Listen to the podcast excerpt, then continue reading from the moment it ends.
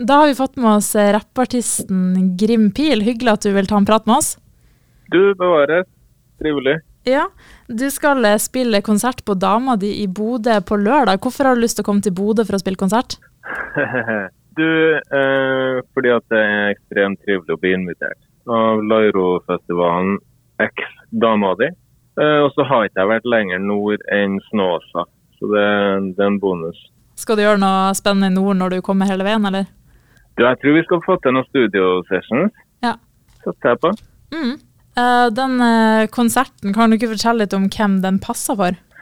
Uff, ser, altså hele min uh, modus operandi skal jeg si, er jo på en måte Jeg mener jo 90% av, av kulturen vår er bløff.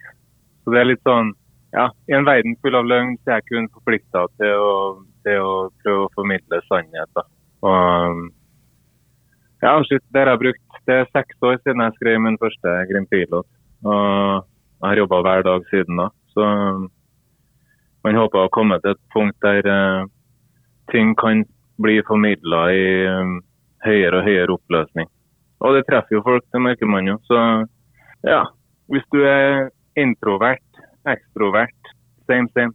Jeg tror vi skal klare å forenes rundt én ting. Altså, Du har jo kommet med ditt uh, debutalbum nå, 'Kong Ødemark'.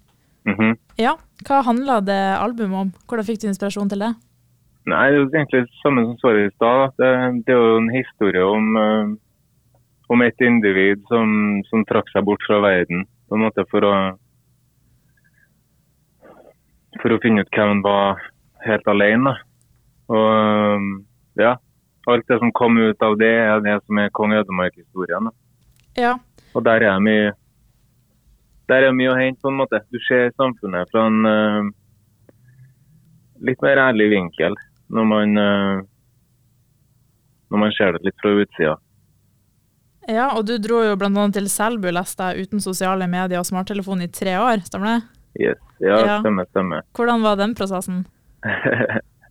du, det var nok den aller mørkeste tida av livet mitt. Men uh, ja, shit. Når man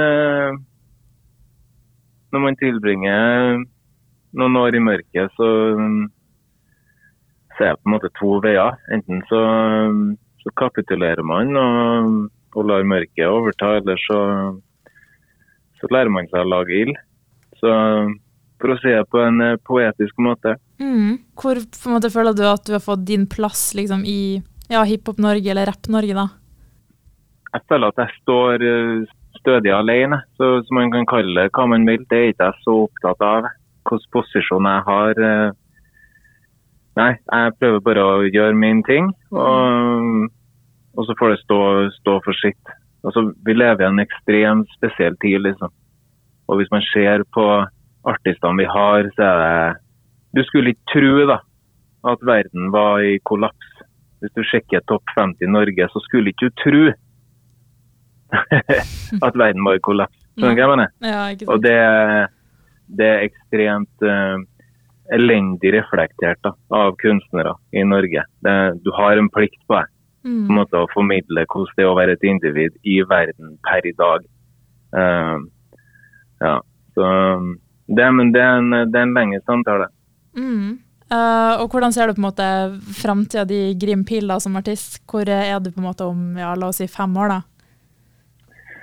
Oh, du, vi er jo, vi er jo tre år inn i en femårsplan.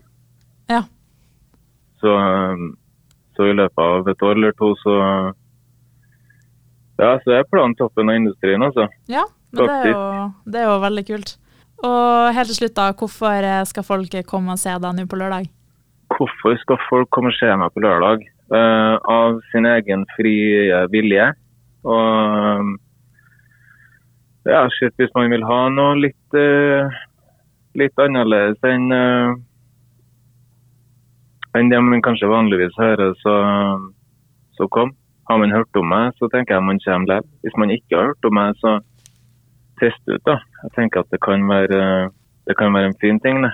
Mm. Men så gøy. Du får masse tvi-tvi på konserten i helga. Du, tusen hjertelig, tusen hjertelig.